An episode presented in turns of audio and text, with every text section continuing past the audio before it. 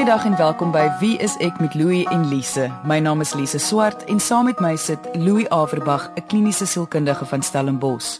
Dit is die eerste Vrydag van die maand wat beteken ons gaan vandag 'n paar van ons luisteraars se briewe bespreek. Onder meer gaan ons gesels oor wat jy te doen staan wanneer jy in 'n ongelukkige huwelik is en hoekom sekere mense alles rondom hulle wil beheer.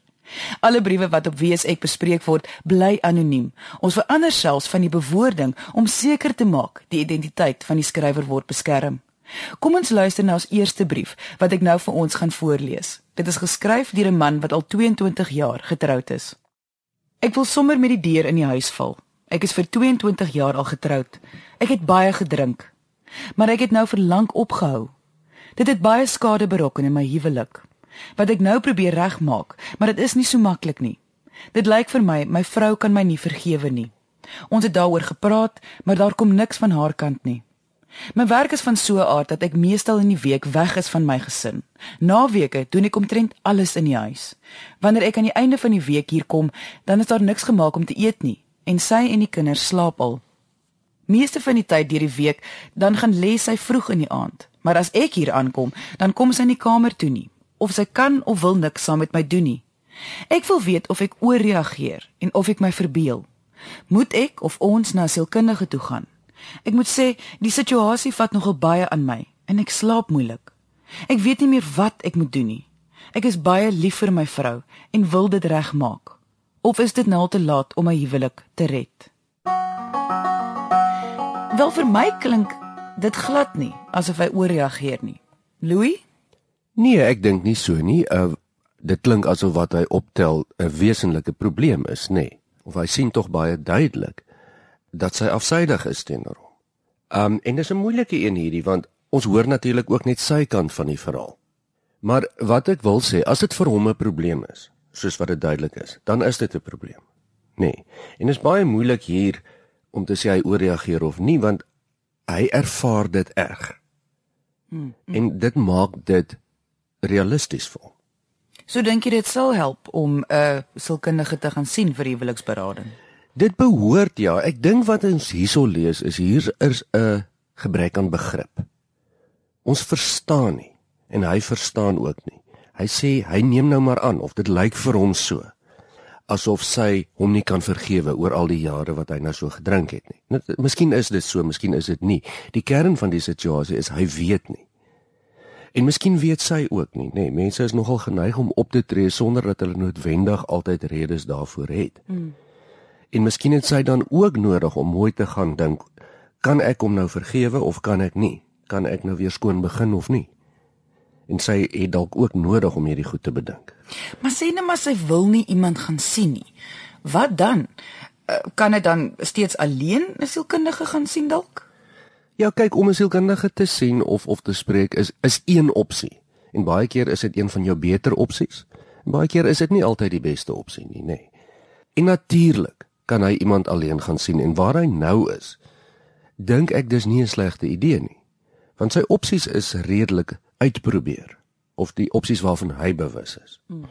En ek dink wat mense sal sê is as hy nie sy vrou kan kry om met hom te kommunikeer nie, uh, sodat hy kan verstaan waaroor hierdie afsydige gedrag gaan nie. Dan sal hy iets anders moet probeer. En die sielkundige kan hom dalk help om opsies te genereer. Die kwessie wat ons al twee weet van huwelik is dat albei moet wil probeer. Hmm. Dan het ons 'n kans vir iets om te werk, nê. En hier is baie moontlikhede. Dit kan dalk wees dat sy soos wat hy sê, hom regtig nie kan vergewe nie. Maar jy weet dit sal help dan as ons dit weet. As hy dit dan weet en sy weet dit en is op die tafel luister, ek kry jou nie vergewe nie. Dan kan mens beplan hoe om die saak verder te hanteer. Maar soos wat ons duidelik ook uit die brief uitsien, as albei nie wil werk nie of saamwerk nie, dan het ons 'n 'n skaakmat gewoonlik en dan kan mens nie regtig aangaan nie. Jy luister na Wie is ek met Louie en Lise op RSG 100 tot 104 FM. Hy verduidelik hy het tog al met sy vrou hieroor gepraat, maar dat niks daarna verander het nie. Eh, sou dit help om weer te probeer praat? Eh, baie keer praat huweliksmaats oor 'n probleem, maar eh, een gesprek is tog nie altyd genoeg nie. Ja, en baie keer is dit ook die manier wat ons praat. praat is nie altyd 'n oplossing nie. Die manier van praat is die oplossing. Jy weet, ons almal het ervaring van praat en praat en praat en baie keer is dit maar net 'n verskil van opinies. Ek dink dit, nee, ek dink dit. Maar praat gaan eintlik oor verstaan. So hy kan dalk sy ek wil amper sê sy strategie verander om sy praat daarop te fokus om presies te verstaan. Met ander woorde, die praat amper meer luister word as wat dit praat is, as ek so kan sê.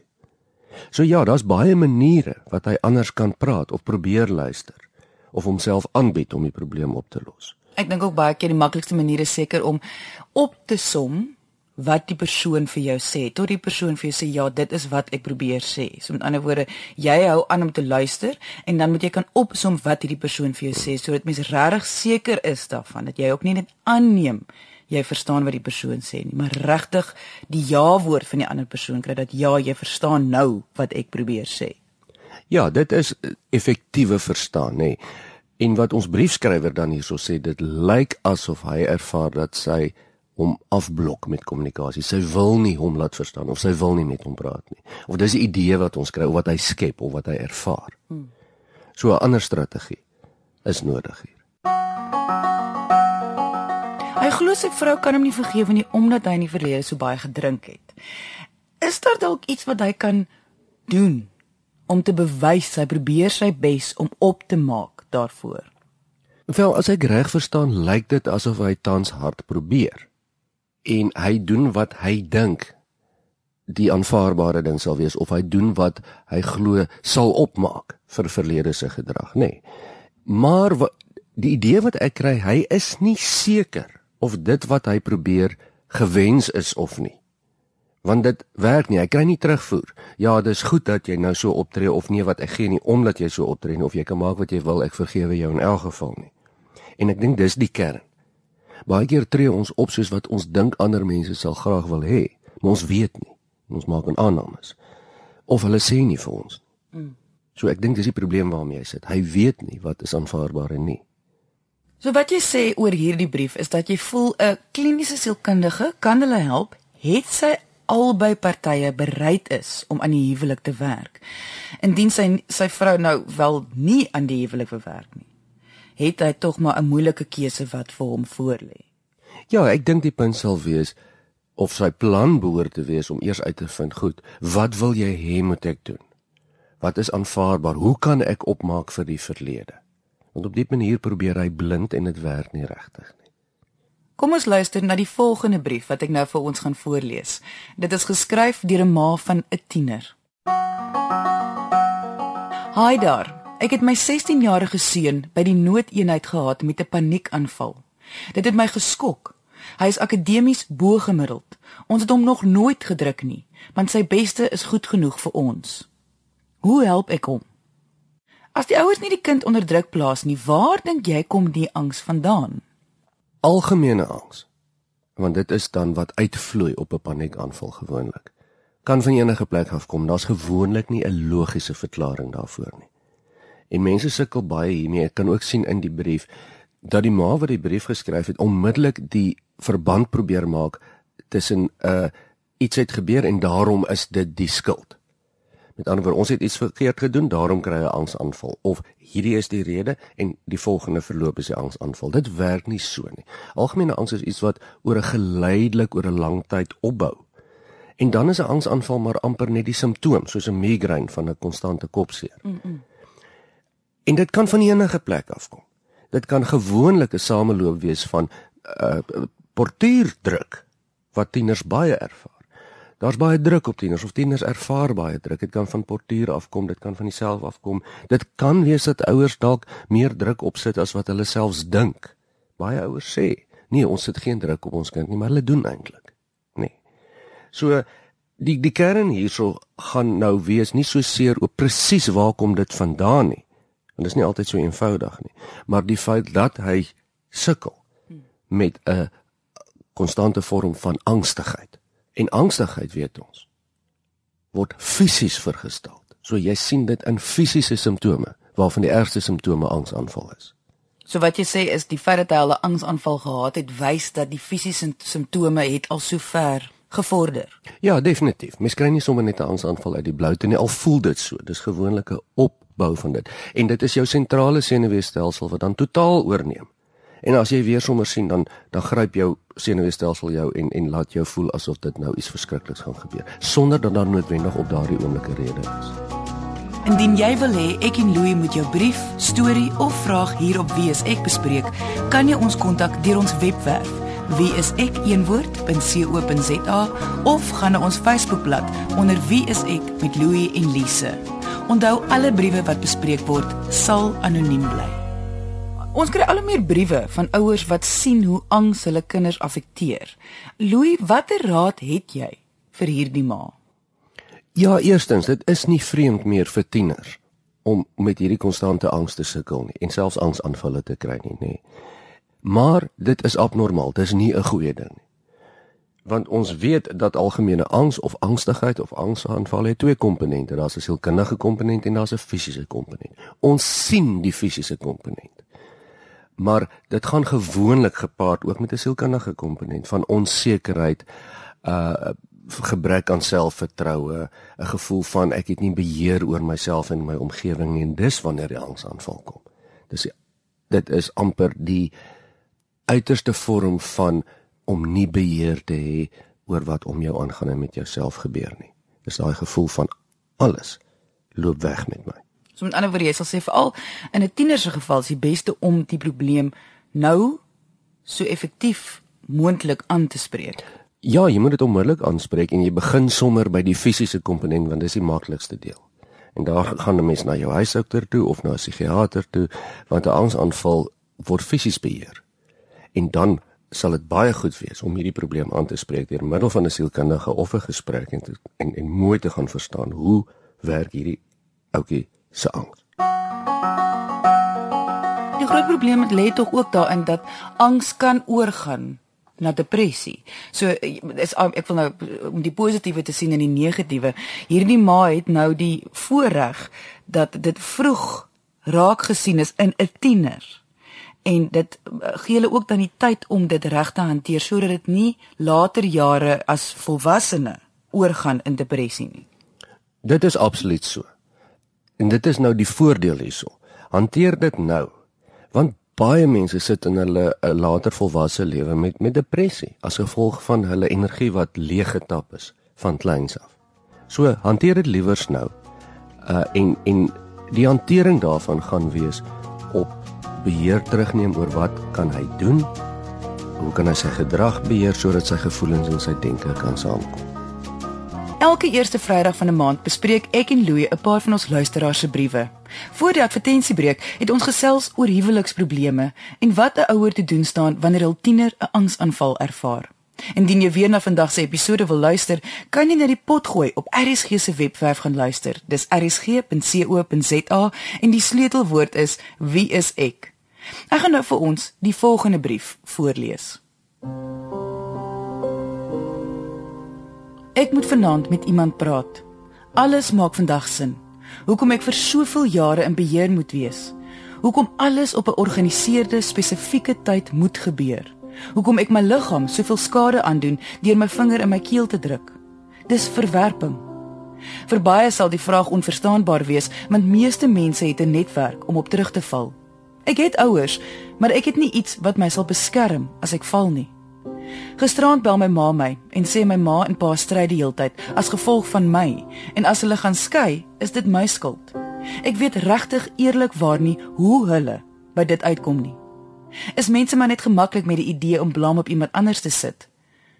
Wonder ook net soms hoe dit sou voel as jou ouers jou 'n klop op die skouer kon gee. Jou ma saam met jou kan gaan koffie drink en jou pa net eenmal vir jou kon sê dat hy lief is vir jou. Ek is seker al te oud om die dinge te verwag. Maar ek maak 'n belofte vandag dat ek nie dieselfde foute sal maak nie. Ek en my man gesels net nou tot die gevolgtrekking gekom. Die rede van my ontsettende spanning is die feit dat ek in beheer van alles moet wees. Ek beklei met alles in my om beheer uit te oefen op alles om nooit my ouers se foute te herhaal nie. Ek is die laaste week soos 'n rek wat wil skiet gee. Ek weet almal voel so hierdie tyd van die jaar, maar ek's verby moeg. Sal julle aanbeveel ek moet hulp soek? Iemand om mee te praat? As ek na die brief luister, lyk dit asof beheer die groot probleem hier is. Dis nou voor ons by die probleem van haar ouers kom. Ja, wat sy eintlik hier beskryf is dat sy nie beheer het oor haar liggaam, hoe sy voel en wat sy doen en selfs wat sy dink nie, nê. Nee. Dit is die groot krisis en hierdie hierdie is nogal 'n ernstige situasie. Dit is so erg dat sy sê uh dat dit amper heeldag gebeur. Dit is deel van haar so erg dat sy voel dat sy soos 'n rek is wat wil skiet gee. En dit is duidelik dat haar gedagtes amper die heeltyd hier op gefokus is. So ja, dit is 'n groot probleem hierdie. Sy het verwys na hoe sy 'n graad van bulimie gehad het. Wat is die verband tussen bulimie en die probleem van beheer? Daar is 'n direkte verband. Uh soveel so dat dit amper die grootste vorm van beheer uitoefen is is wat ons sien met sekere eetversteurings soos bulimie en anoreksie waar mens soveel eisere beheer oor jou liggaam uitoefen of wat in jou liggaam ingaan in terme van uh, stowwe en kos uh, dat dit amper dan die enigste vorm van beheer is wat mense sê dis amper die grootste vorm van beheer wat iemand kan toepas is om met jou liggaam hierdie obsessiewe gedrag te toon. Wat sou veroorsaak dat mense baie beheer wil uitoefen? Gewoonlik is dit 'n baie baie hoë vlak van sielkundige angs. En nou moet ons mooi verstaan, sielkundige angs, soos wat ons in ons vorige brief gesê het, is nie gekoppel aan logika nie. En dis baie duidelik dat wat die dame hier skryf is dat sy na 'n baie lang analise het sy agterkom en sy na man het ook gepraat dat hierdie ding kom van die ouers af. Dit is haar konklusie. En ja, dit is so. Uh, uh met met eetversteurings is daar altyd 'n gesinsverband. Maar wat ook baie duidelik verder hier uitgaan, is die manier hoe die dame die brief skryf. Kan ons sien dat sy geen beheer neem oor wat sy kan nie. Sy sê my ouers, hulle verwerp my kyk hoe tree hulle op en dit is hoekom ek nou so optree of so voel. En heel waarskynlik speel dit 'n groot rol. Maar dan moet ons ook nou onthou hierdie is 'n getroude vrou. Dis 'n volwasse dame wat logies en intelligent redeneer. En as jy dan gaan en jy verplaas al die beheer na iemand anders toe. En jy sê dis hulle skuld. Dan het jy al jou beheer weggegee en dit is hoekom sy so sukkel. So omdat sy die beheer op die, op die ek wil nou sê op die verkeerde plek weggee of die regte plek eintlik weggee is dit dan 'n rede hoekom sy dan uh, alles anders wil beheer. Dit is gewoonlik hoe dit werk. Beheer gaan oor om angs teen te werk. Hoe groter mense interne angstigheid uh met ander woorde daai ding wat jy voel iets is verkeerd ehm um, ek voel nie veilig nie, ek voel nie seker nie, ek voel nie in beheer van my lewe nie. Hoe groter word jou eksterne maniere van beheer, soos om goed reg te pak. Baie mense se obsessiewe gedrag kom daarin uit. Die kaste reg te pak, die huis mooi reg te pak of om dinge te tel of partykeer kry mense aan angsaanvalle. In hierdie geval sê sy sy oefen eisere beheer uit oor wat sy dink sy kan, maar dit is 'n baie duidelike obsessiewe prentjie, nê. Nee. En obsessie beteken ek moet dit doen of ek nou lus is of nie, ek kan nie myself keer nie. As jy dan in jou volwasse jare is en hierdie probleem kom uit jou kinderjare uit of van jou familie af of ouers af, dan bly dit nog steeds jou verantwoordelikheid. En dis wat my bekommer van die briefskrywer is dat sy neem nie die verantwoordelikheid vir haar eie gedrag nie. Sy verwag nog iets van haar ouers. Sy verwag iets van haar ouers. Jy luister na Wie is ek met Louie en Lise op RSG 100 tot 104 FM. Sou jy sê die ouers is ek wil nou die woord skuldig seker 'n baie moeilike woord, maar is skuldig in hierdie situasie? Kan ouers so baie angs in 'n kind veroorsaak?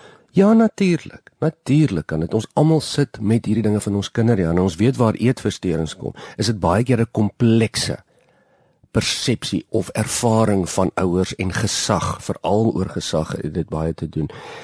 Maar ek laat die klem op die persepsie. Nee. Dis nog steeds ons eie verantwoordelikheid. As jy 'n volwasse persoon is en jy kom agter dat jou verlede of jou ouers het jou lewe vir jou moeilik gemaak, dan is dit jou verantwoordelikheid. Want sy sê sy wil nie hierdie selfe foute met haar kinders maak nie, nê. Nee. Maar sy's besig om dit te doen. Sy is dan besig om so geweldig obsessief op te tree dat in haar huis gaan haar kinders mos dan nou aanvoel, maar hier's oormatige angs. So dit is nie gesond nie. En ja, mens kan vir baie lank in jou lewe kan jy dan gaan voel dat jy verwerp is, dat jy nie erken is nie, dat daar nie vir jou gesê word jy's lief vir jou nie. En dat jy afgekraak word en geblameer word. En dit klink my dis op 'n manier wat hier gebeur. Mm. -mm. Maar dit is ons almal se taak in die lewe om dan nou maar die beste daarvan te maak. Of hoe lank wil sy dan na die ouers blameer? Sal dit help om 'n kliniese sielkundige te gaan sien? Ek sal dit baie baie sterk vir haar aanbeveel. Dit is duidelik dat dit gaan sleg met haar. Hier is geweldige angs wat hier rondvloei.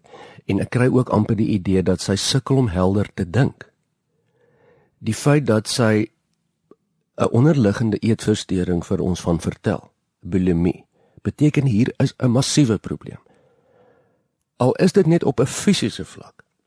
Want dit is geweldig gevaarlik fisies om met 'n eetversteuring te sit. Dis geweldig gevaarlik fisies om met sulke geweldige hoë spanning obsessies te sit wat jy voel jy kry nie beheer oor jou lewe en oor jou oor jou omgewing nie. Hier lê die antwoord nie die by die ouers nie. Die antwoord lê by haar. Sy is 'n volwasse vrou, sy het ondersteuning in die vorm van haar man. Neem beheer oor wat jy kan dink, voel en doen. En as jy nie kan nie, soos wat dit vir my klink, dan moet jy dringend professionele hulp kry. Want jy kan nie die dag in jou graf ingaan, dan is jou ouers al lank al oorlede. En dan nog sê maar my hele volwasse lewe was so swaar as gevolg van my ouers nie. Dan is dit as gevolg van jou keuses. En selfs al is die motivering net aan die begin om iemand te gaan sien dat jy as jy regtig nie dieselfde foute dan wil maak met jou eie kind nie, gaan sien dan iemand. Ja, of kry hulp in nie. En hiermee staan ek nie onsimpatiek teenoor haar probleem nie. Ek kan hoor sy kry geweldig swaar. En emosioneel is dit vir haar baie sleg, nê. Dit kan tog nie lekker wees vir enige iemand om so oproep te kry soos wat sy gekry het nie. Van haar ma af nie. Hmm. Maar sy het nie 'n ander opsie nie. Dit klink asof sy kinders het, asof sy 'n gesin is wat sy gekies het om in te wees en sy funksioneer baie sleg daarin op die oomblik. So sy sal iets moet doen. Indien jy wil hê ek en Louie moet jou brief, storie of vraag hier op Wie is ek bespreek, kan jy ons kontak deur ons webwerf wieisek.co.za of gaan na ons Facebookblad onder Wie is ek met Louie en Lise. Onthou alle briewe wat bespreek word sal anoniem bly. So wat jy sê oor hierdie brief is dat ja, mens kan hoor dit is nie vriendelike ouers nie. Mens kan hoor dat hulle is manipulerend. Maar dit maak nie saak nie. Jy is die volwassene wat moet verantwoordelikheid neem vir hoe jy nou is, wie jy nou is. Ja, en daarmee saam, jy weet, wat ek dink wat ons daarmee sê is daar is baie sin in natuurlik sal dit vir haar baie baat om die verlede te herbesoek en en en te gaan vir terapie en hierdie dinge te verwerk.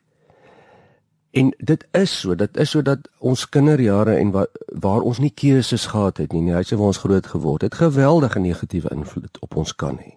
Dit is so. Maar hier staan sy nou. En sy's in haar eie omgewing waar die ouers nie meer 'n rol hoef te speel maar sy laat nog toe dat hulle 'n rol speel ten minste in haar gedagtes. So om vry te wees, moet sy die stappe neem. Sy moet die stappe neem. Ons het aan die einde van vandag se episode gekom. Indien jy 'n vraag het oor enige van die onderwerpe wat ons vandag bespreek het, kan jy ons kontak deur ons webwerf wieisek1woord.co.za of deur RSG se webwerf rsg.co.za. Jy kan ook kom saamgesels op ons Facebookblad onder wie is ek met Louie en Lise. Dankie dat jy vandag ingeskakel het. Ons maak weer so volgende Vrydag net na 12 hier op RSG. Jy moet 'n heerlike naweek hê en onthou, kyk mooi na jouself.